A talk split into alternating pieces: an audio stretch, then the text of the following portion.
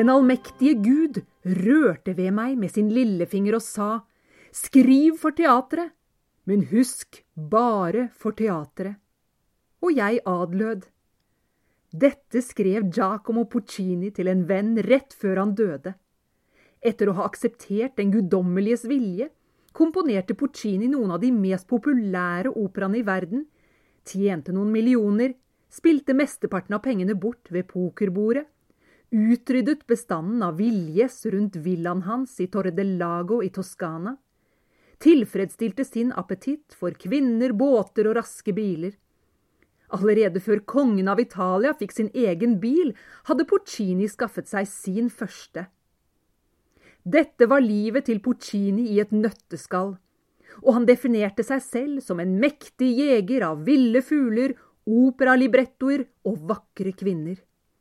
Og skal også ha sagt, tenk, hvis jeg ikke hadde gitt meg hen til musikken, så ville jeg aldri ha klart å utrette noe fornuftig i denne verden. Mitt navn er Ragnhild Motsfeldt, og jeg er operasanger og formidler, og nå skal dere få bli bedre kjent med Giacomo Puccini, den største italienske operakomponisten etter Giuseppe Verdi.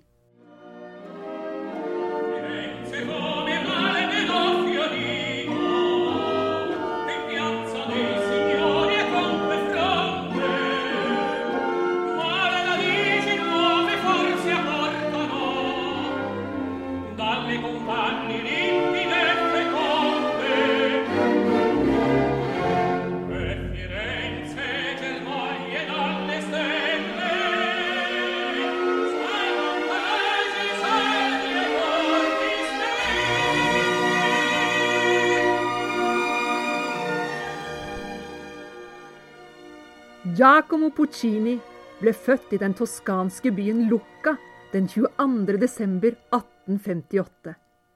Lucca ligger en times kjøring fra Firenze ut mot Middelhavet, og en liten times kjøring fra Massa Carrara, der operaens hvite marmor kommer fra. Puccini var barn nummer seks i rekken av ni, og den første sønnen til Michele og Albina Puccini. Han ble oppkalt til ære for flere av sine forfedre og het derfor Giacomo Antonio Domenico Michele Secondo Maria Puccini. Forfedrene hadde alle vært fremtredende musikere og komponister, og alle hadde de hatt stillingen som organist i katedralen San Martino, og de hadde vært maestro di cappella i republikken Lucca. Puccini-familien var virkelig et musikalsk dynasti.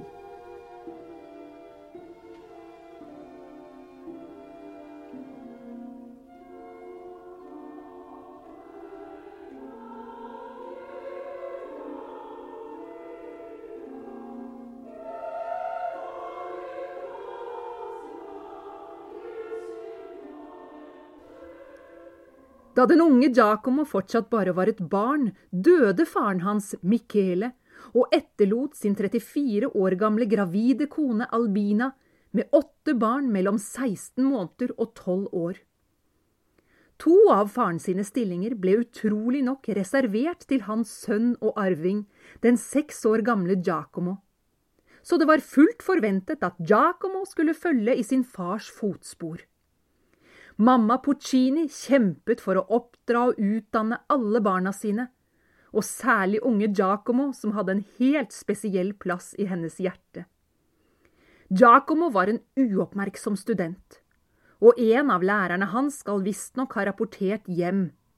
Han kommer bare til skolen for å slite ut buksebaken, og bruker pulten kun til klimpring som om den skulle være et piano. Det tok ham fem år å karre seg gjennom den fireårige grunnskolen. Deretter begynte han sine musikkstudier, og her tok det hele en annen vending.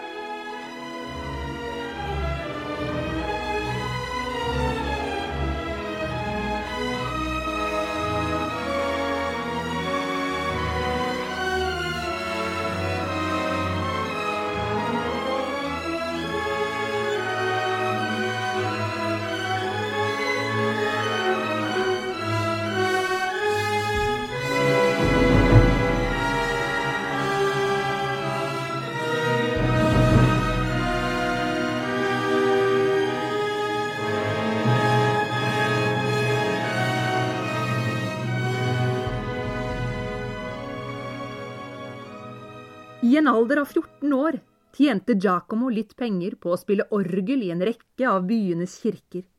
Han sjokkerte menighetene med å blande inn litt populærmusikk og slagere fra de nyeste operaene, som for eksempel Verdis Rigoletto i improvisasjonene sine. Han hadde mange måter å bruke sitt musikalske talent på for å tjene penger. Han fikk seg en elev, han spilte piano i de lokale tavernene, i de nærliggende feriestedene, og også på en bordell skal ryktene ha det til. Han stjal orgelpiper og solgte dem for å finansiere røykingen sin, og spilte deretter rundt tonene på de manglende pipene for å skjule tyveriet. At den unge Puccini var et musikalsk vidunder, var det liten tvil om. Som 18-åring dro han til Pisa for å se en av hans første operaoppsetninger, Verdis Aida. Og denne begivenheten markerte muligens et vendepunkt i Giacomo Puccinis liv. Så sterk var Puccinis interesse for opera at han gikk til fots fra Lucca til Pisa for denne ene forestillingen. Og en rask sjekk på Google Maps sier at dette i dag er en gåtur på i overkant av fire timer. Da jeg hørte Aida i Pisa, følte jeg at et musikalsk vindu hadde åpnet seg for meg, skrev Puccini og kanskje bestemte han seg da for å forlate det forhåndsbestemte livet som organist til fordel for et liv som operakomponist.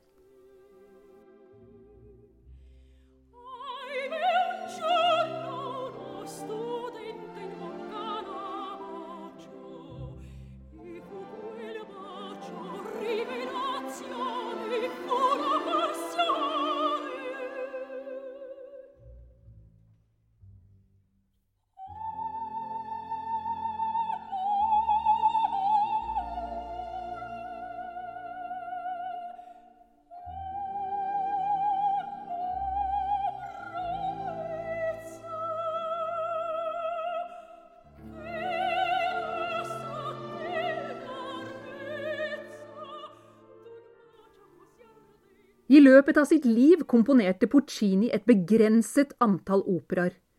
Kun tolv totalt. Puccinis hovedinteresse var å skape perfekte verk som kunne bli en del av det faste operarepertoaret til de store operahusene verden over. Tre av hans operaer er stadig på listen over de ti mest spilte operaene i verden. La Bohème, Tosca og Madama Butterfly.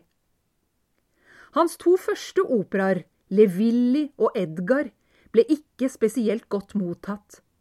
Mens hans tredje, Manon Lescaut, gjorde han både kjent og rik, og med den neste, La Bohème, slo han virkelig igjennom. Puccini hadde en bemerkelsesverdig evne til å skildre kvinners indre liv og følelser. Grunnen til dette har vært mye diskutert opp gjennom tidene, og det får bli i en annen podkast. Halvparten av operaene han skrev, er oppkalt etter kvinnene som er i fokus. Tosca, Madama Butterfly, Manon Lescaut, Suor Angelica, La Fanciulla del West og Turandot. Puccini malte et portrettgalleri av uforglemmelige kvinneskikkelser med en musikk som berører sjelen vår, og med historier som knuser hjertene våre.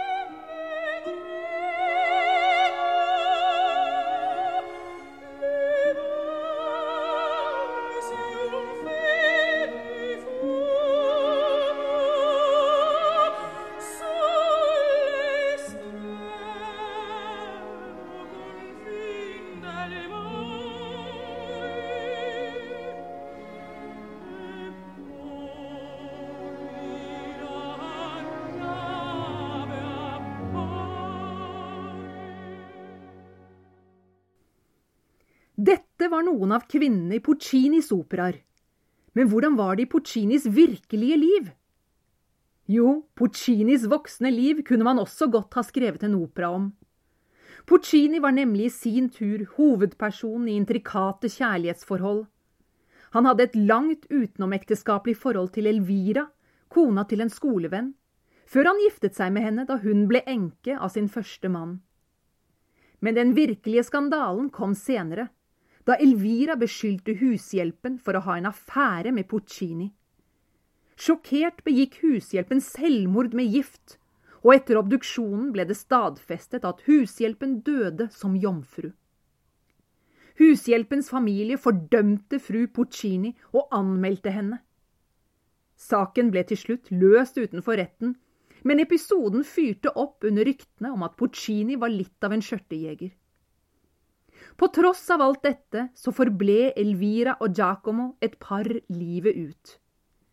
Puccini døde i Brussel i 1924 etter et forsøk på å helbrede strupekreften han led av, med Elvira ved sin side.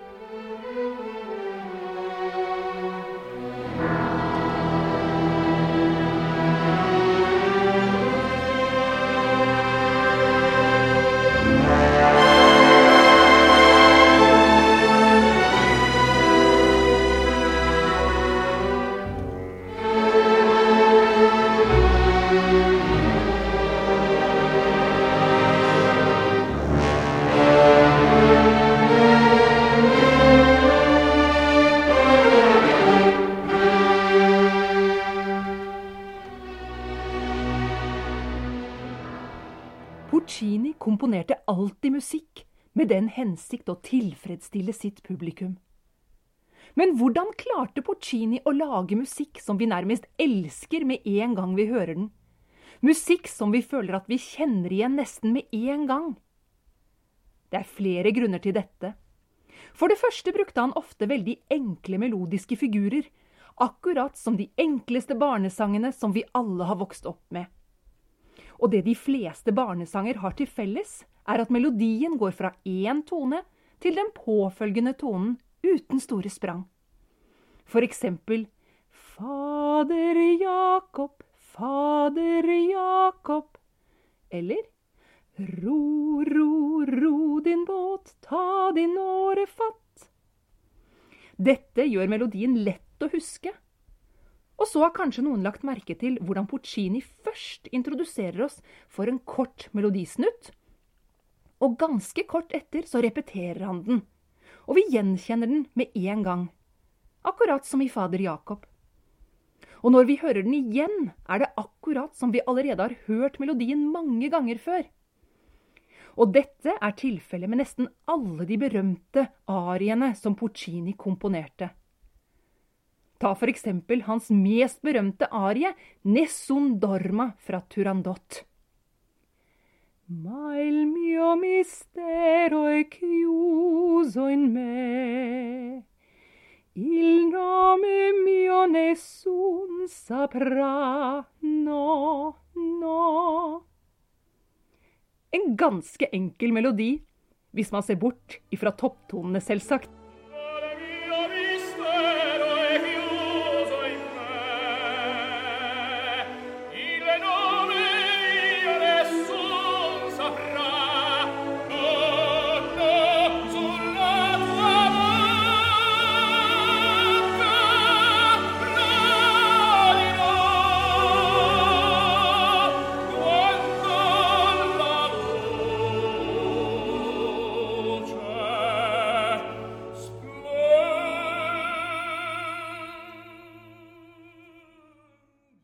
Så godt var det at Puccini ga seg hen til musikken.